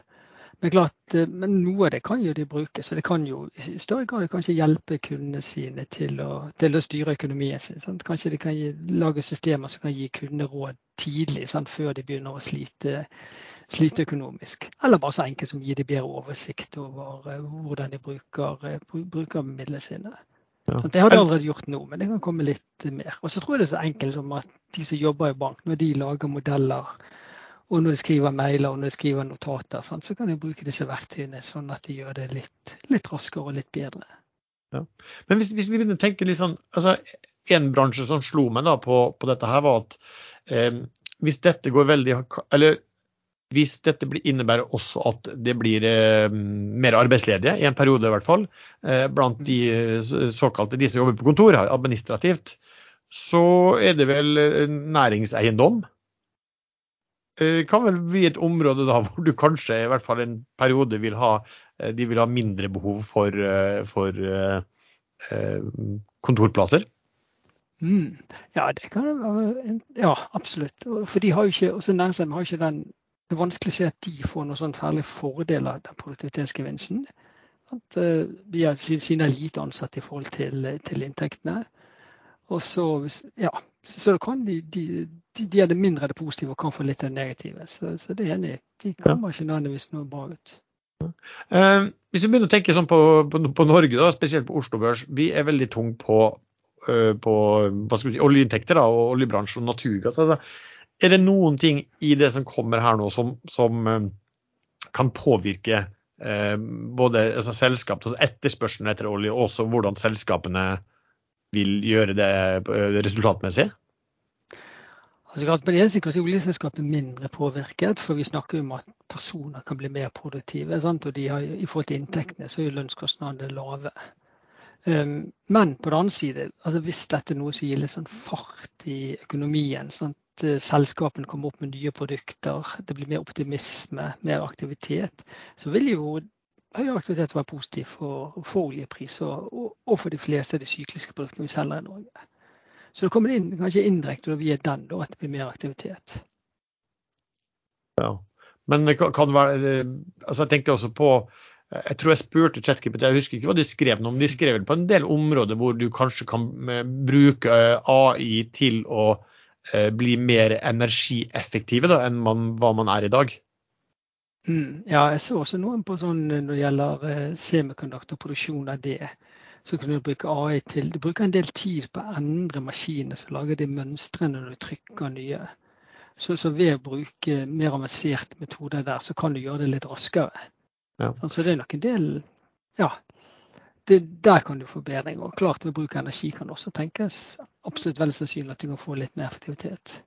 Men det, men det, blir vel litt sånn, altså, Hvis dette blir så gjennomgripende, så vil det nesten være sånn at alle bransjer på et eller annet måte kan gjøre ting som gjør, eh, gjør altså Alt fra fabrikker også, at gjør, gjøres at, at, driften går mer optimalt. Altså, men, men, det er klart at da har man kanskje dratt det ganske langt. da, hva, hva i hvert fall vi ser nå at man kan uh, bruke det til.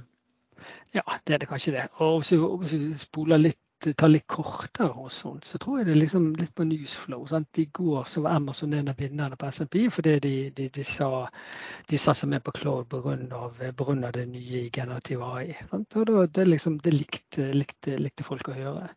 Så, så jeg tror selskap som så i år kommer du med Q1-tall og samtidig forteller at du har potensial på driften pga. det, så vil markedet sette stor pris på det. Mm. Det gjelder selvfølgelig i forkant å finne ut hvilke selskap som sannsynlig vil kunne kommunisere noe på det. Uh, altså, det jeg hørte han sa han uh, i Nvidia, det var drug discovery. og han snak, altså Helsesektoren er vel en sektor mm. som uh, også hvis du spør ChatGPT selv også, så er vel liksom den som står som nummer én. ved bruk av AI, hva, hva, de mener kan en, en, få en veldig god framtid utover det. Er det noe du har lest på, Robert? Ja, jeg hører på sånn podkaster om AI helse, for de, de, er det mange av. Sant? For Der går det på alle, alle områder. De, de, som er avanserte, flinkeste legene som diagnostiserer ting. Det var et selskap som har laget sånn god billeddiagnostikk, jeg tror det var på tarmkreft, som de gikk igjennom eh, De lot roboten gå gjennom de som legen hadde sagt ok, disse har ikke kreft. Og da fant de en god del av de som egentlig hadde, hadde kreft. Og det selskapet der jobber med, å finne forandringer i på tidligere tidspunkt, sånn at du på tidligere tidspunkt kan finne ut om de har kreft eller ikke. Så der er utrolig, utrolig muligheter på, på, på, på diagnostikk. Også på det var bare ett eksempel, sant? men på hele verdikjeden der så er det Du kan jo også tenke deg at når du tar sånne røntgenbilder eller CT-bilder, så kan du la AI først finne ut hvem som mest sannsynlig har Ut bildene så kan du la AI analysere det først, og så de mest kritiske de får legen først til å se gjennom. Sånn, så kan du tenke at de som opplagt ligger enkelte ting å se, kan du gi til litt yngre leger. Så, så, det er mye, mye ja, det, I den sektoren tror jeg det er utrolig mye å gripe fatt i. Ja, de, nevnte liksom det å kunne forstå proteiner og, og en, protein engineering var liksom noen ting han snakka om i Nvidia også, at det var liksom eh, eh, et stort område. Men man snakker jo også her om at fremtiden, i framtiden så vil du ha din egen personlige altså digital assistent. Du vil ha en, en gruppe, kan ha brug, assistenter på, på gruppebasis, og så kan du ha selskapsbasert eh, digital assistent også. Er det noen ting du ser for, for deg? Ja, så, så er jo Bloomberg sant? det informasjonssystemet som vi som forvaltere bruker til å hente ut informasjon, til å hente ut nyheter, og der ligger alle analysene vi bruker. De har utviklet sin egen GPT. Eh, men de har ikke Jeg spurte meg for å se på den, men, det, men den ikke, de har ikke gitt ut beta-utgaven ennå. Men de har fått laget den. Så, så, der tror jeg også så det kan godt være at de, sånn som når de har kommet til å ha sin egen GPT som vi kan bruke, det kan godt tenkes. Jeg hørte på en sånn podkast nå hvor et universitet hadde utviklet sin egen sånn GPT, og det var ganske rimelig og ganske billig utvikla. For da brukte de de språkmodellene som ligger gratis tilgjengelig på nettet. Mm. Sånn, sånn Open AI koster enormt mye. Men hvis du tar, senker ambisjonene litt så, og lager noe som spesiallager for ditt bruk, så, så, kan det bli mye billigere. Ja, for jeg så eh, på en, en som skrev at du kunne laste ned en sånn en å ha på egen, det var, den var, så liten at du kunne ha den på egen PC, og da hadde du ditt egen AI som ikke krevde at du var Du trengte ikke å være kobla på nettet, og du kunne gjøre ting med den som gjorde at den kunne begynne å ja, gå ut på nettet en, og, og, søke etter ting samtidig. Ja, det er kanskje mulig, men de modellene jeg har hørt om, så snakker de om at de bruker det på engelsk trillioner. Sant? Det er litt mindre på Norge, men eh, det er ganske mye datapunkter det de har.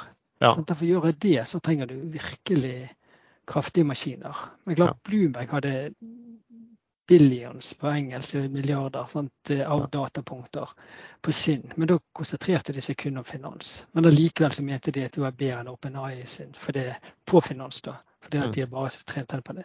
Eh, det vi ser nå også, er jo da at eh, de, alle de helt store hva skal vi si, kommunikasjonsselskapene jobber jo for å, for å sørge for at ikke andre får, uh, får ta posisjoner alene. Altså, du har vel eh, OpenEye er jo knytta mot eh, Microsoft, men da har du jo da Google som jobber. Jeg tror Amazon jobber. Du nevnte Bloomberg. Det var vel Baidu i Kina som kom med sin også. Så mm. vi vil få, få, vi vil få en del valgmuligheter her også. Ja, absolutt. Det, det gjør vi. Så det, Nei, jeg, jeg, har jo stått, jeg har stått og hørt på her nå ganske lenge, og jeg syns det er veldig interessant det dere snakker om. Men eh, jeg har aksjer i et selskap som heter Halodi Robotics. Eh, heter nå 1X, et norsk selskap mm. med hovedkontor i Moss. De henta nettopp 250 mill. fra amerikanske investorer. Eh, og OpenAI var den ledende investoren som gikk inn der. Eh, Betyr det at disse her OpenAI eh, nå ser etter liksom, å kunne bruke den teknologien de har utvikla til å prente inn i roboter, og få de òg til å liksom, lære seg ting? Eh, eller hva, tror du de tenker? Ja, det tror jeg absolutt. Jeg har sett en videoer på den INX Robotics, det norske selskapet aksje. Det virker helt fantastisk. Så, og jeg har sett ja, det, det, er en haug med folk som har lagt ut videoer av det og snakker om det. For OpenAI skal jo allerede i til sommeren i år så vil de lansere en, en versjon av den hvor de har lagt inn sin chatrobot inn i robotene. Og så spekulerer man i at i desember, når den ChatGPT 5 kommer, så skal den kunne styre disse ordentlig og være tilgjengelig for alle. Og det, det er veldig morsomt det selskapet nevner det. Sant? Det er jo norsk selskap, og da vil jo det være den som egentlig brukes for roboter ganske, ganske mye globalt. Så da kan det bli veldig stort. Ja, riktig. Nei, for jeg, jeg synes det er veldig interessant. Lars snakket om sånn alle har sin egen digitale assistent, men jeg tenker jo videre at alle har sin egen uh, fysiske assistent som gjør kjedelige ting i hjemmet. og kjedelige ting i arbeidslivet som er repeterende og ja, som kan erstattes av, av maskiner. da. Ja, nei, det kan jo absolutt. Sant? For det Ja. Det, det, det har jo gått så veldig fort nå. Og, og, de videoene som ligger på nettet over robotene deres og hva de kan gjøre, det virker veldig, veldig oppløftende. Men, men altså, Du snakket om at du skrev en oppgave om dette på 80-tallet. Men mm. tror du nå at utviklingen kommer til å gå veldig veldig mye mer fortere? Eh, fordi at datakraften er kommet opp på så, såpass høyt nivå at eh, og den vil jo bare øke, mest sannsynlig? Ja, datakraften er kommet opp på et stort nivå. Informasjons tilgjengeligheten er mye større. Sant? For før lå ikke informasjon så lett tilgjengelig. Sant? Nå er det enormt mye informasjon som ligger lett tilgjengelig. Så det er også en ting. Og så det at kommunikasjonen er blitt så mye lettere i media, at du kan snakke med det sånn som med ChatGPT, eller skrive lett til det. Så, så tror jeg liksom dette er sånn enormt er egentlig en sånn revolusjon i det. Så hvor det ja. har hatt 40 år hvor det har gått gradvis fremover, og nå, nå skjer det store hoppet. Ja, du får den hockeystick-grafen. Altså, ja. Ja, riktig. Ja, men vil, vil, det medføre at du får masse hype? Altså, Under internettboomen så var det liksom du kunne bare nevne eh, ny webside, så gikk aksjekursen eh, til himmels.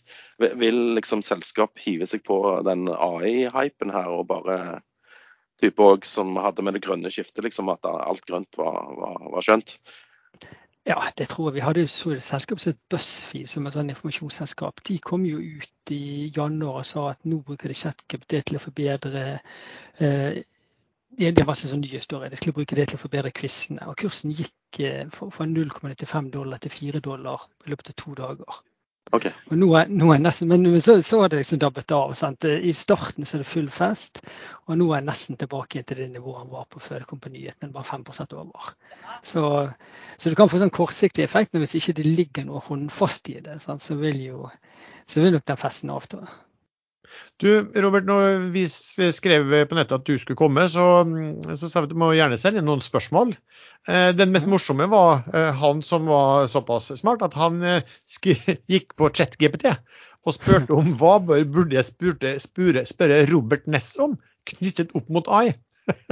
Ja. og da fikk han en del spørsmål. så Da hadde vel maskinen funnet ut at du jobbet innen finans, og kom en del spørsmål om det. Og da var det liksom hvilke eh, utfordringer og muligheter ser du for deg f.eks. ved bruk av AI i fremtiden innen finans? Mm. Altså, jeg, jeg, tror jo at Det virker jo fristende sant, å spørre Roberten hvilken aksje skal jeg kjøpe i dag. Jeg, jeg, tror det er litt for, eh, litt billig for komplisert. Så Jeg vil heller gå til nivået under. Sant, se på hva kan skje med dette. Hva, hva, hvilke selskap kan dra nytte av en faktor? Kanskje.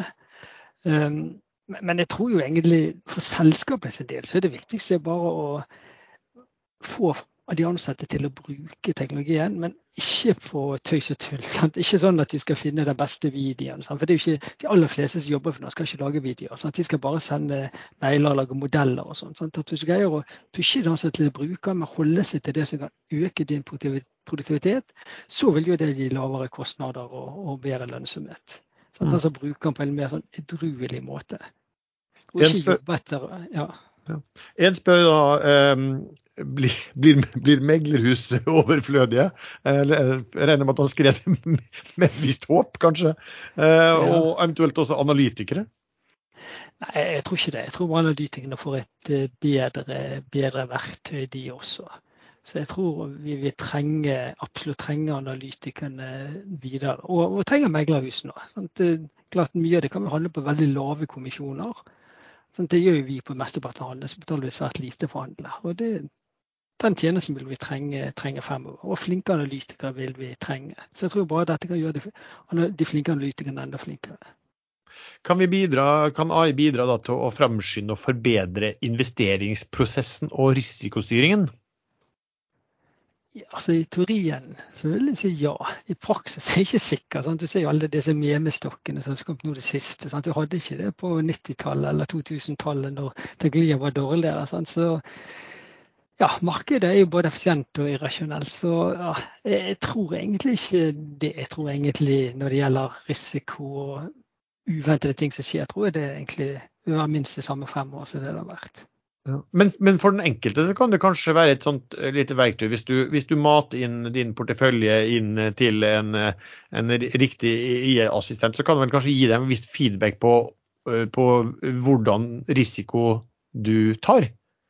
Ja, det er et godt poeng. Sant? Jeg kan sikkert gjøre det. Sant? Og se utfallet på porteføljen dine på ulike markedsscenarioer som har skjedd historisk, og som kan komme til å skje fremover. Litt sånn modell som vi profesjonelle har, bare enda mer avansert. Det, og gjøre det lett tilgjengelig. Det, det vil helt sikkert skje. Ja. Tror du eh, bruk av dette her vil endre hva skal du si, hvis du kaller det en slags konkurransesituasjon i finansbransjen, eller spesielt da med tanke på små og mellomstore bedrifter, nei, investorer mot, mot de litt større aktørene? Ja, så klart. Eh, når du har et verktøy som gjør ting mer tilgjengelig for de fleste, så skal jo det alt annet like være større for det for de, for de mindre investorene enn de, enn de, enn de større. Så, mm. så, det gjør det kanskje mer eh, ja, sånn Hvis vi store har konkurransefortrinn, så blir det kanskje det konkurransefortrinnet litt mindre. Det kan jo tenkes. Ja. Altså spørsmål da, fra, fra GPT. Hvilke ferdigheter og kunnskaper tror du er mest relevant for framtidens investorer i lys av den økende bruken av AI og andre teknologier? Jeg tror det er egentlig mye det samme som før. Du skal være flink til å prosessere informasjon sant? og ta konsekvensene å regne på ting. Sant? Det, det gjaldt før, det gjelder ennå. Men, men, klart, du må jo være flink. Det blir jo viktig å ta i bruk de mulighetene og modeller som er der. Sant? Det har det alltid vært, men kanskje blir enda, enda, enda viktigere. Jeg fikk et spørsmål fra, fra liksom, noen på Twitter om ok, men dette betyr vel du ikke trenger å ta utdannelse. Hvorfor bruke fem år på å ta en master når du kan gå på YouTube og se videoer, du kan bruke ChatGPT til bare for å svare der. Og det, det, tror jeg er en farlig vei å gå. For jeg tror at for, å å dra nytte av disse verktøyene, så trenger du være flink sjøl. Du trenger å kunne en del sjøl. Ellers kan du lett bli, bli lurt, og da blir du den store taperen. Her er et spørsmål som en har sendt inn, og det er kanskje svart litt på, men det er eh, om det er mm, når man skal investere i altså kjøpe aksjer eller noe, kan det være mer å hente på selskaper som blir betydelig mer effektive, effektivere av AI enn å investere direkte i AI-selskaper? Ja, jeg tror det er et godt spørsmål, og det, det tror jeg absolutt. Sant? Fordi at Nvidia tjener på det, det, det vet vi, og det vet aksjekursen. Sant? Så den er kanskje steget altfor alt for mye. Sant? Microsoft har også steget ganske mye på det. Så, så jeg tror det, løsningen ligger i lete etter de selskapene som kan få mer produktivitetsgevinst enn andre, og er villige til å ta den. Så det kommer ikke av seg sjøl, du må jobbe for å få det. Hvis du har management som jobber for å få det, en mulighet for det, så, ja, så er det en god kombinasjon. Ja. Um, for et, et, et, ting vi ikke har nevnt der, er jo som og vel åpenbart burde du kunne dra nytte av en del ting som skjer nå, er vel uh, gamingselskap? Underholdning som sådan? Ja, det er det. Noe gaming noe jeg ser, lite på, men, men, det er klart det, det kan de. Altså, for der er det du kan gjøre det. Jeg hørte på en sånn podkast om gaming, faktisk. Nvidia hadde de hadde en egen podkast der. Og de, det var Ubisoft de snakket med. De, hadde, de, de, de, så at dette kunne være veldig Gi dem ganske mye mer. Lage mye mer fancy og spennende ting. Hvis vi ser litt stort på det, litt ut fra den artikkelen, er det slik at du tror dette her blir så stort at det blir en, hva skal si, en, en driver for den økonomiske veksten eh, fremover? Altså, jeg heller litt til, til, å tro det ja. For vi har ikke sett noen sånn stor produksjonsskift på, på, veldig lenge på effektiviteten. Sant? Og også på nyhetsflowen. At selskap kan komme ut både fortelle om de nye produktene og de kan fortelle om effektivis effektiviseringer. Sant? Det er liksom, det syns aksjemarkedet liker å høre. Istedenfor at masse, selskapene nå har gått noen kvartaler og fortalt om at en resesjon som kanskje kommer, vil medføre det og det. Så kan du få mer, mer positiv stemning. Sant? Og hvis de virkelig greier å ta ut produktivitetsgevinsten, så kan det gi, bety en del for lønnsomheten på bedriftene på, på, på over flere år.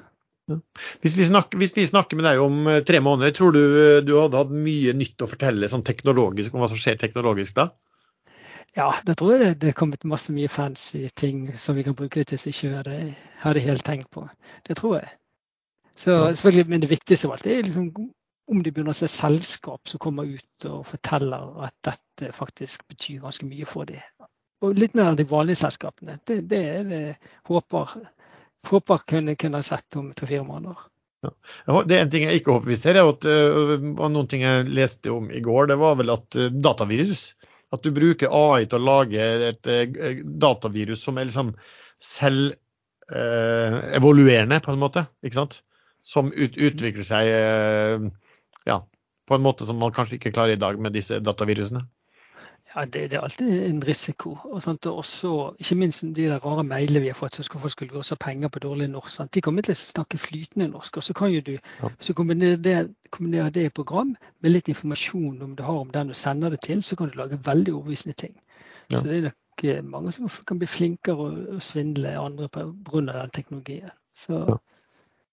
Men sånn er det. Nye teknologier de skaper jo da store muligheter, og så er det jo også da eh, ja, muligheter til å bruke de på ja, som alltid måter som ikke gagner, gagner fellesskapet.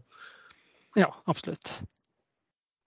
Men, men hvis du skulle plukka ut én aksje litt, eh, hvis du kan ta en på kort sikt og en på litt lengre sikt, da, som du tror eh, ville være en bra aksje å kjøpe, basert på hva du tror om utviklingen av eh, AI, hva ville du sagt da?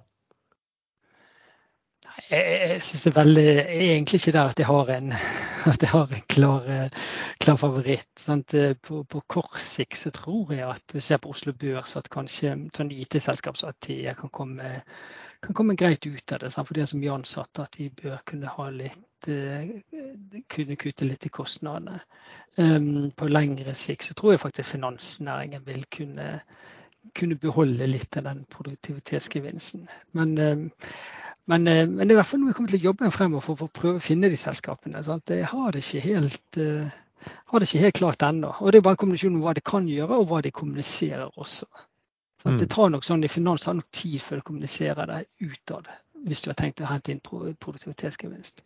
Så der kan ikke vi vente oss noe. Så, så på kort sikt er det kanskje noen småselskap som plutselig har eh, noen gode ideer som de kan fortelle markedet om, og som kan gi stor jubel og høy økning i kursen.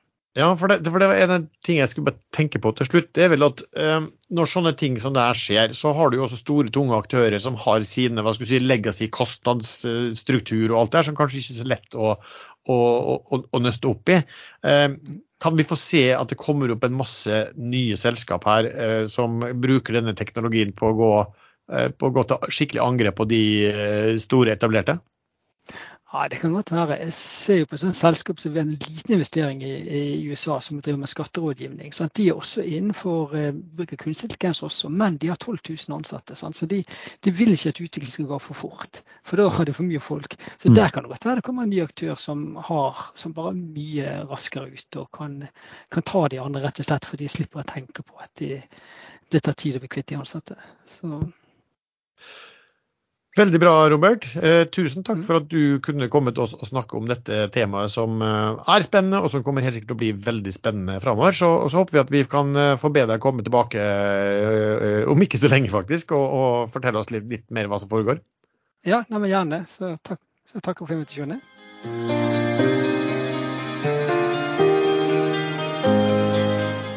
Bruk ChatGPT fra Ekstrainvestor.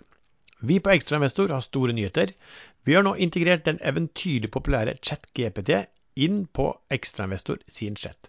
Så langt har vi ikke sett noen andre dedikerte investorsamfunn, det være seg Norge, Norden, Europa, hvor som helst egentlig, som tilbyr dette. ChatGPT er altså historiens raskest voksende konsumenttjeneste, og nådde 100 millioner brukere på under to måneder etter lansering. Og i stedet for at vi skal skrive, tenke på hva, hvilken nytte du kan ha av dette, så uh, spurte vi heller ChatGPT å skrive noe. Og ChatGPT svarte da Jeg vil gjerne introdusere dere for en spennende ny ressurs tilgjengelig fra direkte fra ekstrainvestors side, ChatGPT. ChatGPT er en kraftig AI-drevet språkmodell utviklet OpenAI, som er designet for å hjelpe deg å få innsikt, utføre forskning og assistere med investorbeslutninger. Her er noen av de viktigste funksjonene og fordelene ved å bruke ChatGPT, spesielt for investorer. Markedsanalyse. Selskapsanalyse, der du kan få en dypere forståelse av selskapet du investerer i, inklusive økonomiske resultater, produkter, tjenester, konkurransesituasjon og vektpotensialet. Du kan bruke den til å oppdatere eh, deg om siste nytt og hendelser. Risikovurdering. ChatGPT kan hjelpe deg med å identifisere og vurdere risikoer knyttet til dine investeringer ved å analysere faktorer som volatilitet, kredittrisiko og sektorspesifikke utfordringer. Porteføljestyring. Den kan gi deg råd om porteføljeallokering, diversifisering og rebalansering. ChatGPT kan fungere som en læringsplattform hvor du kan stille spørsmål om investeringer, økonomi og relaterte temaer for å utvide din kunnskap og forbedre dine investeringsferdigheter. Og ikke minst kan du bruke ChatGPT for diskusjoner og nettverk. Bidra i diskusjoner og nettverksbygging, nettverksbygging med andre ekstrainvestormedlemmer. For å stille spørsmål, dele innsikt og samarbeide om investeringsideer. Vi håper dere vil finne ChatGPT til å være en verdifull ressurs i deres investeringsreise. ChatGPT er altså nå tilgjengelig som en AI-assistent på ekstrainvestorchatten. Brukere kan stille spørsmål, be om informasjon og få hjelp fra ChatGPT direkte i chatten, i åpne kanaler eller i én-til-én. ChatGPT har evnen til å forstå og svare på spørsmål på flere språk.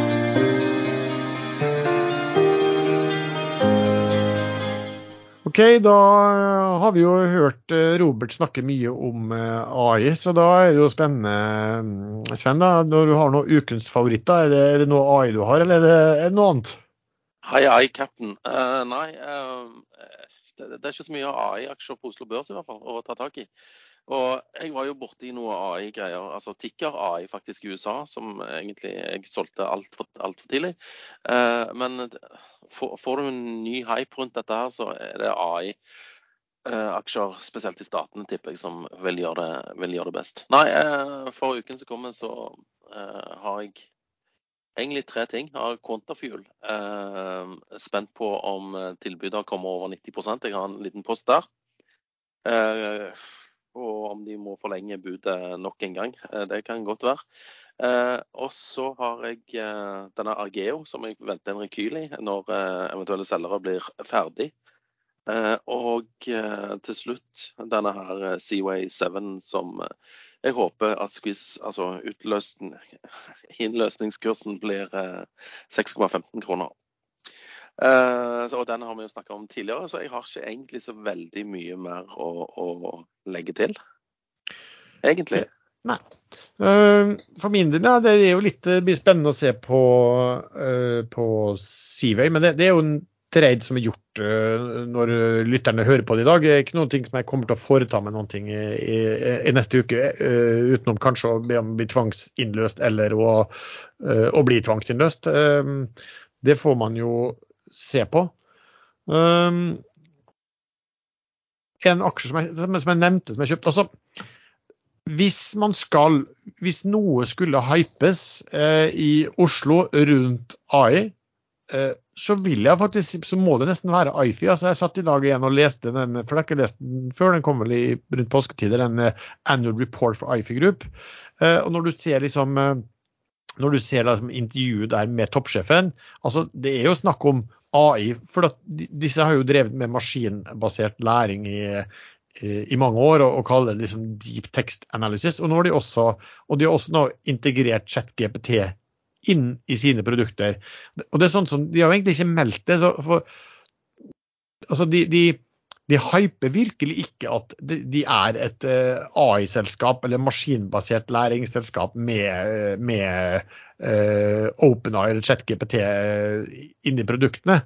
Uh, og, og, de har, bør jo virkelig være noen også som har muligheten og kunnskapen til å bygge apper da, på toppen av dette her. Så Um, nå vet jeg at de skal komme med nye produkter. Um, sikkert i løpet av et par måneder vil jeg, senest, vil jeg tenke meg. Uh, og, det, er et selskap som, som sagt, hvis de ville hype, så, så har de liksom alle hype-ordene i seg. Men det er jo en knøtt da, som er priset til hva er det? Priset til 60 mil på, på Oslo Børs.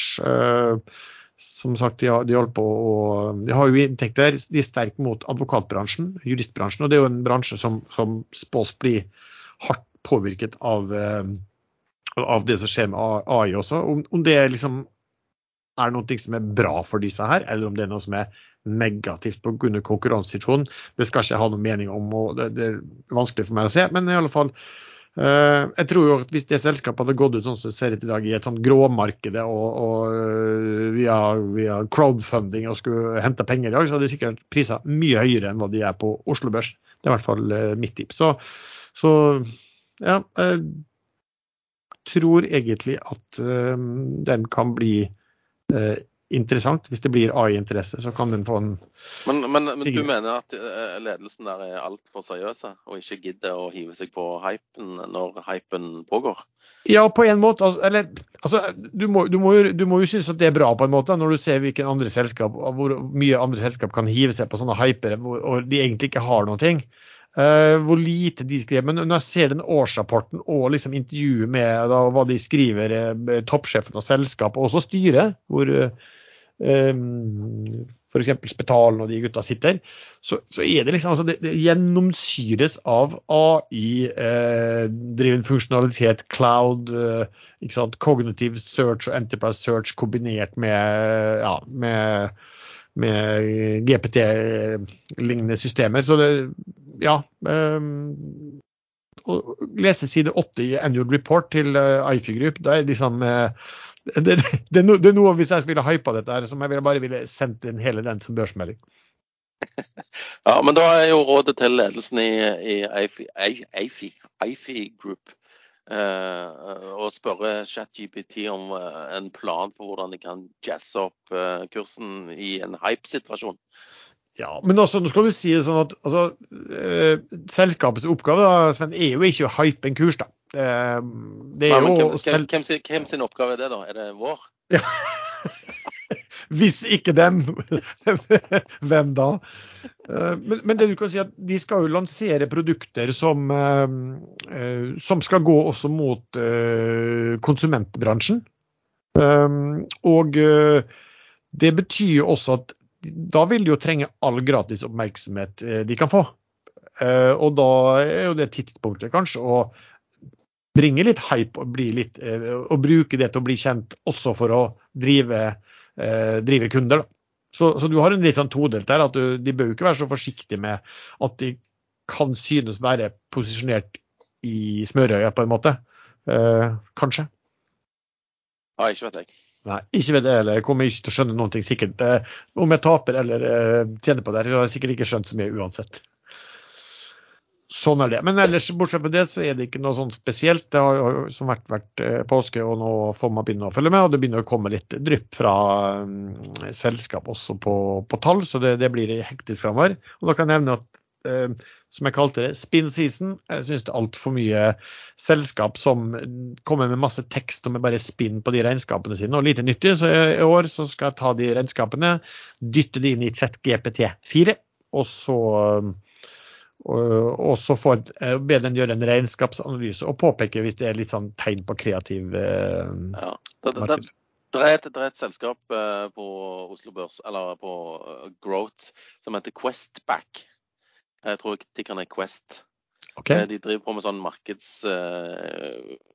markedsundersøkelser og, sånne ting. Ta og Les deres kvartalsrapport. Det, det, er ingen tall, altså sånn kronetall alt oppgis i prosenter i forhold til vekst fra sist periode osv. Du, du finner ikke tallene. OK. Det er veldig spesielt. Ja, det høres eh, rimelig spesielt ut. Ja. For å si det sånn. Eh, OK, da takker vi så mye til deg som har lyttet til uh, denne episoden. Du treffer stadig oss to, og også han slyngen som uteble i dag, uh, Jallakongen Erlend Henriksen, er chatten inne på um, Ekstrainvestor.